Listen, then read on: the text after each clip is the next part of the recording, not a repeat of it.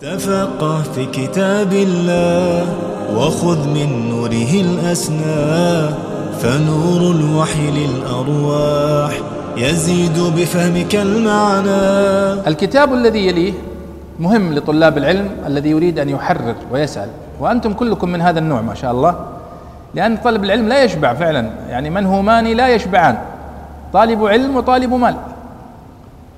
طالب العلم يحب التفاصيل ويسأل. وهنا استطراد. الناس دائما يقولون لماذا تذكر الإسرائيليات في كتب التفسير؟ قلت كما تصنعون بي في الأسئلة. أنتم الآن نعطيكم كتاب مختصر. قلت لا نبغى واحد أوسع. نعطيك كتاب واسع. قال أبغى في البلاغة. طيب نعطيه في البلاغة. قال هل يوجد كتاب هذب؟ هل يوجد كتاب وسع؟ فقلت الإسرائيليات هي تتناف توافق مع النزعة الإنسانية في حب الاستطلاع. الله سبحانه وتعالى يقول واسألهم عن القرية التي كانت حاضرة البحر إذ إذ تأتيهم حيتانهم يوم سبتهم شرعا ويوم لا يسبتون لا تأتيهم. الله يقول قرية. يجون الناس. وش اسم القرية؟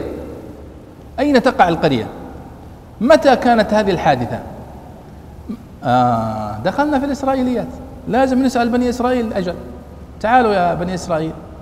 وش القرية؟ قالوا هذه قرية إيلياء على البحر الأحمر. وش اسم الناس؟ قالوا اسمهم كذا. طيب متى كان؟ قبل زمني؟ آه. هذه أنتم اللي تسألون. فحب الاستطلاع هو الذي دفع المتقدمين والمتعصرين والمعاصرين والناس في المستقبل إلى معرفة هذه التفاصيل. الله سبحانه وتعالى يقول مثلا في قصة آه، واتل عليهم نبأ الذي آتيناه آياتنا فانسلخ منها فأتبعه الشيطان فكان من الغاوين ولو شئنا لرفعناه بها ولكنه أخلد إلى الأرض واتبع هواه فمثله كمثل الكلب إن تحمل عليه يلهث أو تتركه يلهث. الفائدة متحققة بدون ما نعرف هل هو زيد أو عمرو. لكن ما اسم هذا الرجل؟ متى كان؟ ما هي قصته؟ حب استطلاع. فنضطر أن نرجع إلى بني إسرائيل لأنهم هم التي وقعت هذه الحادثة عندهم. ولذلك لا تجدون الروايات الإسرائيلية في كتب التفسير إلا في جانبين فقط. جانب قصص بني إسرائيل وأنبياء بني إسرائيل من وين نجيبها؟ من كتبهم. أو قصة بدء الخلق. بدء الخلق وخلق السماوات والأرض وخلق آدم وكذا هذه أيضا موجودة في سفر الخلق في في كتاب التوراة. ففيها تفاصيل ليست موجودة عندنا. وهذا هو سر يعني آه، ورود الإسرائيليات في بعض الكتب. فورودها لسبب مشروع ما في مشكلة. على كل حال الجامع في أسباب النزول هذا كتاب يعطيك الروايات. المحرر في أسباب النزول للدكتور خالد المزيني. نعم. هذا الكتاب السابع. نعم.